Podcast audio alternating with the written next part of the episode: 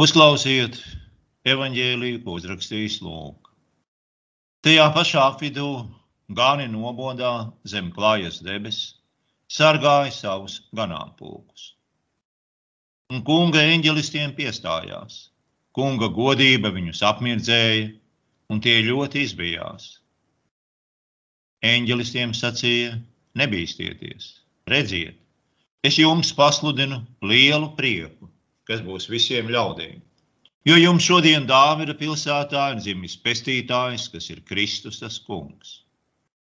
Redzi, jums šī zīme. Jūs atradīsiet bērniņu autos ietītu un silē gulošu. Piepeši tur pie eņģeļa bija redzama debesu pulku draudz. Tie slavēja Dievu un sacīja: Gods Dievam augstībā un miers virs zemes cilvēkiem pie kā viņam labs prāts. Kad eņģeļi aizgāja no tiem debesīs, gani savā starpā runāja. Iesim uz Betlēmi raudzīt, kas noticis, ko tas kungs mums ir pavēstījis.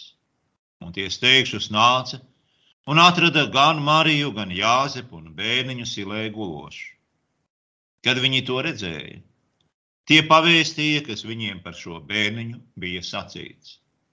Un visi, kas to dzirdēja, izbrīnījās par to, ko gāni viņiem bija sacījuši. Un Marija visus šos vārdus paglabāja sevī, sirdī tos pārdomāt. Un gāni griezās atpakaļ teikdami un slavādami Dievu par visu, ko bija dzirdējuši un redzējuši, kā viņiem tas bija sacīts. Āmen! Ziemassvētku laiks ir tik īss, ka nevienmēr izdodas apskatīt un pārdomāt pat galvenos tekstus. Un tādēļ šodien atgriezīsimies pie viena no tiem, proti pie stāsta par ganiem. Mūsdienās šis stāsts parasti tiek saistīts ar sentimentālām noskaņām, Ziemassvētkos ietērpjot bērnus ganu drēbēs, lai tie spēlētu savu lomu Ziemassvētku luciņā. Bet Lūkas nodoms, protams, bija pavisam cits. Viņš vēlējās mums sniegt nevis sižetu sentimentālai lūdziņai, bet iemācīt kaut ko visnotaļ nopietnu. Un šodien mēs mēģināsim noskaidrot, ko tieši. Blakus citām lietām, pirmā lieta ir uzmanīga klausīšanās. Gani uzklausīja eņģeļu sacīto, Un tad devās paši par to pārliecināties savām acīm. Pēc tam viņi stāstīja citiem par to, ko eņģeļi bija sacījuši un viņi paši redzējuši. Nu, sakas tam bija tādas, ka ļaudis, kuri dzirdēja ganu vēsti, izbrīnījās par viņu sacīto. Mums gan netiek sacīts, ka šie ļaudis ticēja, bet par pašiem ganiem gan tiek sacīts, ka sakas redzētajam un dzirdētajam, bija varenas. Viņi teica un slavēja Dievu par visu, ko bija dzirdējuši un redzējuši. Tātad divas šīs lietas raksturo ganus. Viņi dzirdēja un redzēja. Šeit Lūka mums māca, ka uzmanīga klausīšanās ir ļoti, ļoti svarīga lieta. Vēlāk Pāvils sacīs, Ticība rodas no pasludinātās vēsts, bet vēsts sludināšana no Kristus vārdiem. Pirmā lieta, no kuras mūs brīdina Ziemassvētku teksts attiecībā uz klausīšanos, ir neļaut sevi samulsināt vēstnešu ārienē. Gani nepiederēja pie sabiedrības elites. Tie bija ļoti vienkārši cilvēki, un tiem nebija varas un teikšanas. Gan dzirdēja vārdu no eņģeļa. Un eņģeļi, protams, ir iespaidīgi runātāji, lai neteiktu vairāk. Bet visi pārējie evaņģēliju dzirdēja no cilvēkiem, kuri nebija ne iespaidīgi, ne īpaši daļrunīgi. Ja sacītēm ir grūti ticēt, tad, ja tas ir kaut kas neikdienišs un neparasts, tad ir viegli dzirdēt to noraidīt ar vārdiem, kādēļ gan ticēt tādam cilvēkam. Mēs visi esam vismaz nedaudz līdzīgā situācijā. Mēs neesam saņēmuši tiešu nepastarpinātu dievu atklāsmi kā vecā derības pravieši. Mēs neesam personiski pazinuši Jēzu, staigājuši, ēduši, gulējuši un runājuši ar viņu un pat aptaustījuši viņu kā apstuļu. Tas, kas ir mums, ir tikai grāmata. Un tās sludinātāji un skaidrotāji.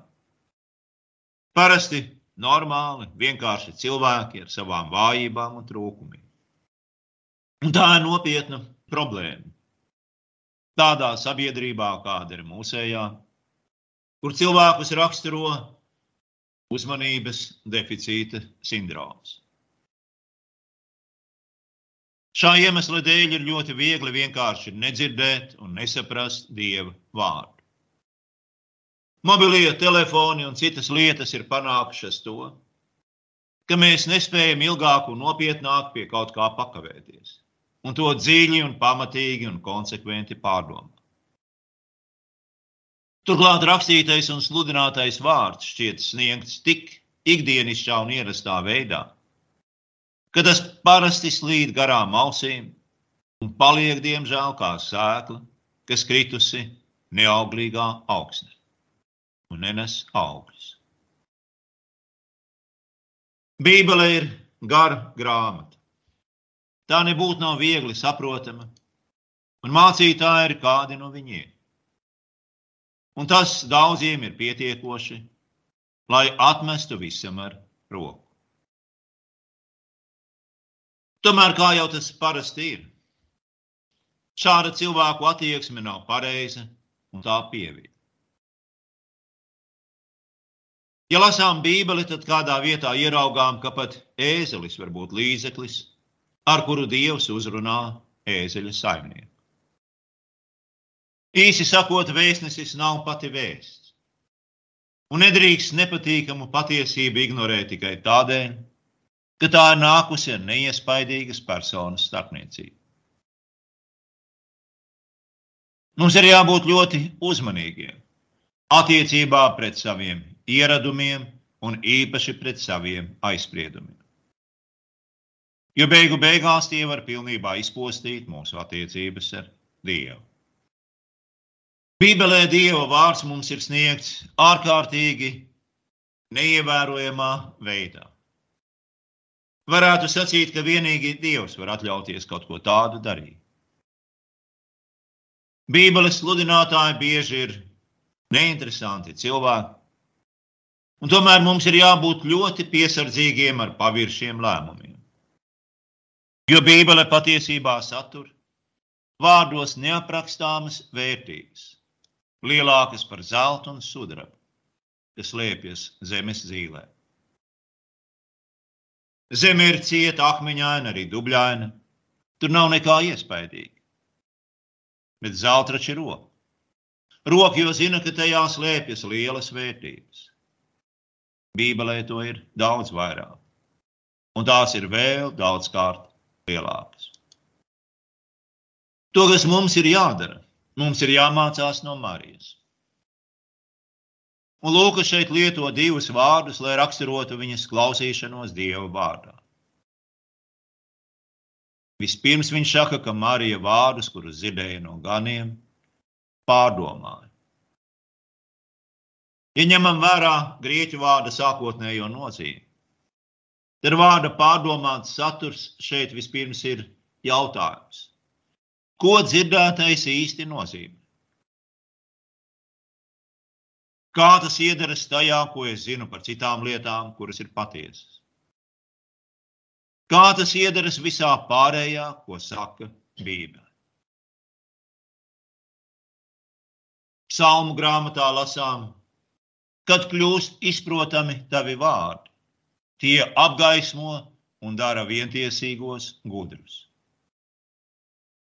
Tas, kas sākotnēji šķiet kaut kas vienkāršs un nenozīmīgs, rūpīgi pārdomāts, atklājas kā kaut kas saturiski ļoti, ļoti dziļš, daudzšķautņains un ar milzīgu nozīmi un vērtību cilvēka dzīvē. Dieva vārda spēks atklājas tā satura.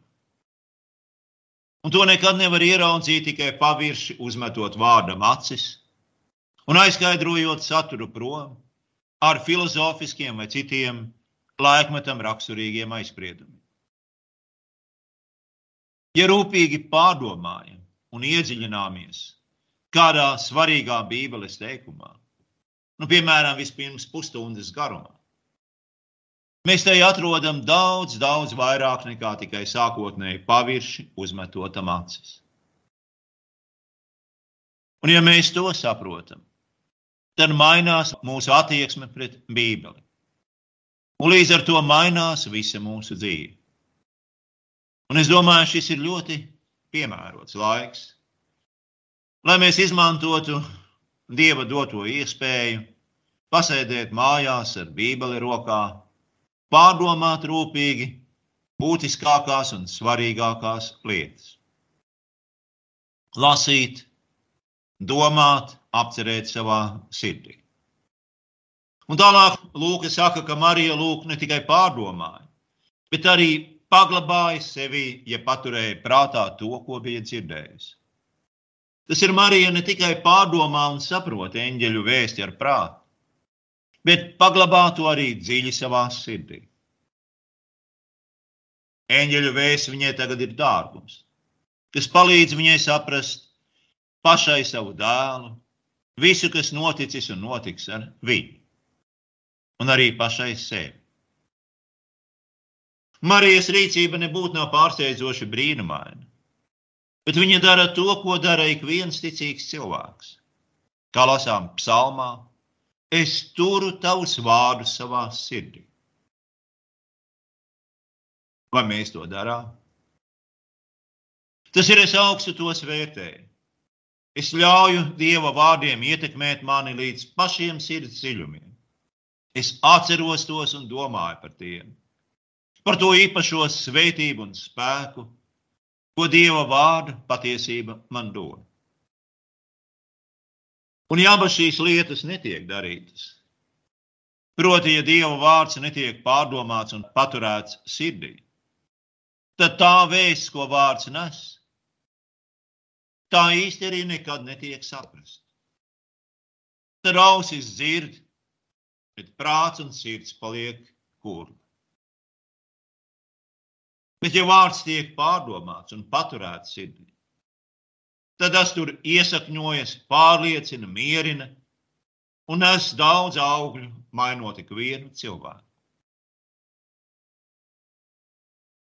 Otra lieta, ko mācāmies no šī dienas teksta, ir miera jautājums. Pa vidu tekstam mēs dzirdējām vārdus: gods dievam augstībā un miers virs zemes cilvēkiem, pie kā viņam labs prāts. Vecajā tulkojumā bija un cilvēkiem labs prāts. Var strīdēties par tulkojumiem, pat par abiem šiem tulkojumiem. Bet, lai saprastu tekstu, vispirms ir jāatceras, ko Bībelē nozīmē vārds miers. Tas nenozīmē vispārēju ārēju mieru, labklājību un bezrūpīgu dzīvi. Vārds miers nozīmē naida, kara stāvokļa beigas. Protams, pats svarīgākais miers ir miers ar Dievu.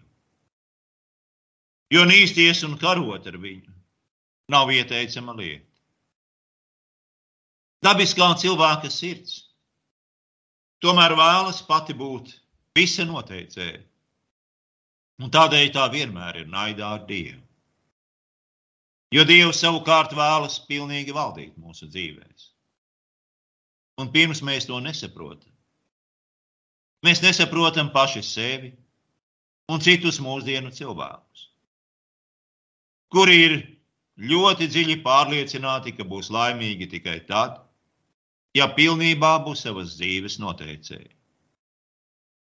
Šī egoistiskā vēlme valdīt un kontrolēt noved tikai un vienīgi pie konfliktiem ar citiem cilvēkiem konfliktiem sabiedrībā, konfliktiem valstu starpā. Naids ar Dievu ved pie naida ar cilvēkiem. Uz zemes nav miera tādēļ, ka nav miera ar Dievu. Un Ziemassvētku vēsts saturs ir: Dievs un grēcinieki ir salīdzināti savā starpā. Jēzus ir pilnīgs vidutājs starp abām pusēm. Pieņemot cilvēka dabu, Dievcilvēks pārvar bezdibeni, mirst par mūsu grēku, dziedina brūces un dāvina mieru. Kā mēs varam pie šī miera tikt? Mums ir jāatceras, ka naids pret dieva valdīšanu ir dažādi. Viens cilvēks var sacīt, lieciet man mieru ar savu dievu, es gribu dzīvot tā, kā es gribu. Tad pretī cits var sacīt, es pakļaušos tam, kas rakstīts Bībelē, es darīšu visas tās lietas, nu un tad dievam būs mani jāsvētī un jāgādā, lai man būtu laba dzīve. Bet arī šī nostāja nav nekas cits, kā mēģinājums kontrolēt Dievu. Mēģinājums kontrolēt tā vietā, lai uzticētos. Pirmais solis pretī mieram ar Dievu ir atzīt, ka ienaidnis ir bijis. Viens veids, kā to darīt, ir atzīt, ka es esmu ne tikai darījis sliktas lietas, bet arī tās šķietami labās lietas, ko esmu darījis. Es esmu darījis ar slēptu domu, pats būt savs glābējs, būt neatkarīgs no radītāja un pestītāja. Un baznīcas ir pilnas ar šādām lietām. Mums ikvienam ir jātiek glābtam tikai no dieva žēlastības. Jo arī pat tās labās lietas, kuras darām pēc sava prāta, ir tikušas darītas nepareizu motīvu dēļ. Ikvienam, kurš vēlas tikt glābts, ir jāpaļaujas tikai uz glābjošo Kristus darbu. Un tad, kad atzīstam savu pretestību pilnīgai Dieva valdīšanai pār mums, tad atzīstam arī, ka nevaram glābt paši sevi un paļaujamies tikai uz Kristus nopelnu. Lūk, tas ir tas, ko nozīmē miers ar Dievu. Vienā vārdā Kristus ir mūsu miers ar Dievu. Un tad, kad mums ir Kristus, kad mums ir miers ar Dievu, tad beidzot mēs sākam mācīties atzīt savas kļūdas un vājumu, apspiest savu lepnību un mīlēt. Mīlēt bez vēlmes kontrolēt katru dzīves situāciju. Šim svētā gara darbam mūsos ir varants spēks novērst konfliktus, veicināt piedošanu un salīdzināšanos starp cilvēkiem. Un kristieši ir miera nesēji šajā pasaulē. Tie ir ļaudis, kas nes mieru starp rasēm, tautībām, šķirām, valstīm, ģimenes locekļiem un arī starp kaimiņiem. Un to arī nozīmē Ziemassvētki. Proti, ka caur dieva žēlastību, viņa dēla miesā nākšana, mums ir dāvināts miers ar Dievu un mēs no savas puses varam nest mieru visiem šajā pasaulē. Un jo vairāk cilvēku dzīvo no evaņģēlijas žēlastības, jo vairāk miera ir šajā naida pilnajā pasaulē. Nākošā lieta, ko mācāmies no šī dienas evaņģēlija, ir nebīsties. Eņģelis ganiem sacīja, nebīsties, redziet, es jums pasludinu lielu prieku. Tad, nu, lūk, ja mēs saņemam lielo prieka vēsti, tad tā izbeidz mūsu bailes. Tad mums nav vairs jābīstas. Kāpēc? Pirms tam tekstā ir sacīts, ka gani bija ļoti izbijušies. Un tas, protams, nav nekas neparasts, Jo ik viens, kurš būtu sastapies ar eņģeli un ticis dieva godības apmirdzēts, izbītos. Mēs Bībelē vienmēr lasām par šādām lietām. Kad cilvēks ir dieva vai viņa sūtņu eņģeļu priekšā. Un tas viss sniedzas atpakaļ līdz sākotnējām bailēm paradīzes dārzā. Kamēr cilvēkam bija labas attiecības ar Dievu, Baiļu nebija ne no dieva, ne no kā cita. Tagad mēs baidāmies tikt citu atraidīti un kļūdīties. Bet, ja esam Dieva mīlestības pilni, tad mums taču ir viena alga, ko par mums domā cilvēki. Cilvēki baidās no nākotnes un dzīves apstākļiem, no nabadzības, slimībām. Bet, ja mēs pazīstam Dievu, tad mēs varam viņam pilnīgi uzticēties. Un vairs nav no kā bīties. Tad, kad cilvēki izvēlējās nomest dievu valdīšanu, tas ir salauza savas attiecības ar Dievu.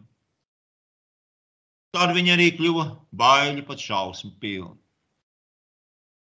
Cilvēku sirdīs ienāca vēlna meli. Tev ir jābūt noteicējam par savu dzīvi. Neļauj nevienam valdīt pār sevi. Dievu ieskaitu. Ja citādi tu būsi nelaimīgs. Tu zaudēsi to, kas ir pats labākais priekš tevis. Šis posms no Ādama un Ievas ir nonācis mūsu visu sirdīs.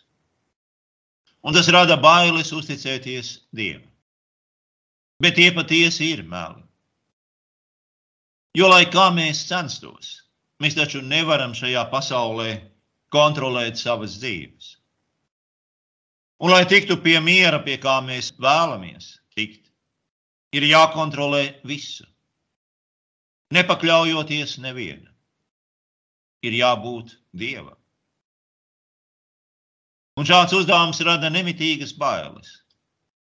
Jo dzīves pieredze māca, ka mēs neesam dievi. Ka mēs visi bieži vien esam pilnīgi atkarīgi no citiem cilvēkiem, spēkiem un apstākļiem, kurus nevaram ne paredzēt, un vēl jau vairāk kontrolēt. Un tā ganiem bija bail no eņģeļiem. Bet tās nebija tikai bailes no pārdabiskā. Tās bija bailes no svētuma. Kad atspīd dieva godība, tad tā vienmēr rada cilvēkos bailes, ja viņi ir atsevišķinājušies no dieva. Bet eņģelis nes pārsteidzošu vēstu. Jums vairs nav jābīstas. Ja raudzīsieties uz to, ko es jums rādu. Bailes, kas slēpjas dziļi mūsu dvēselēs, var tikt padzītas. Kā? Eņģeļi saka, nebīsties, bet redziet.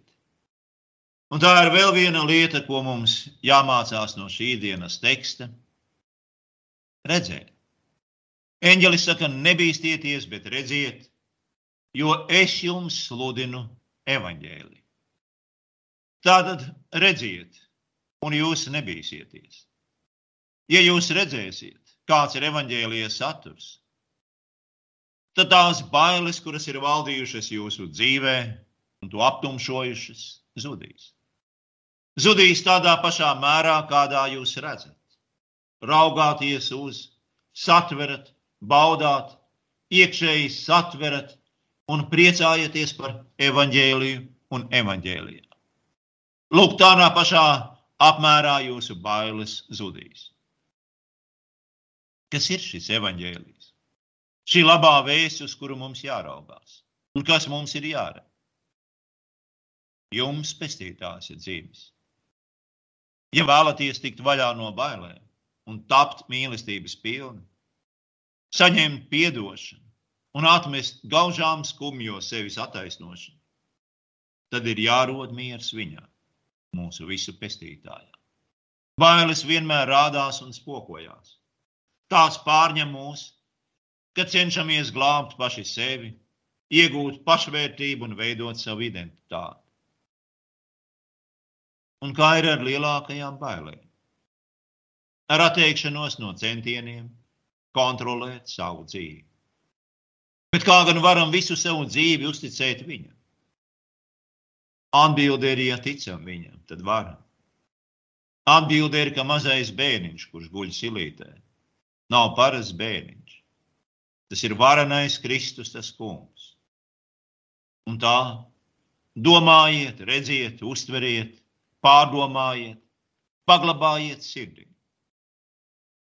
Visvarenais Dieva dēls atteicās no kontrolas un kļuva mazs bērniņš jūsu labā. Un jūs varat uz viņu paļauties. Un tas aizīs jūsu bailes. Kad Hruščovs sacīja, ka Gagārins ir uzlidojis debesīs un nav redzējis dievu, Britu apoloģēts Klāvis Luis uzrakstīja rakstu Redzošā acs.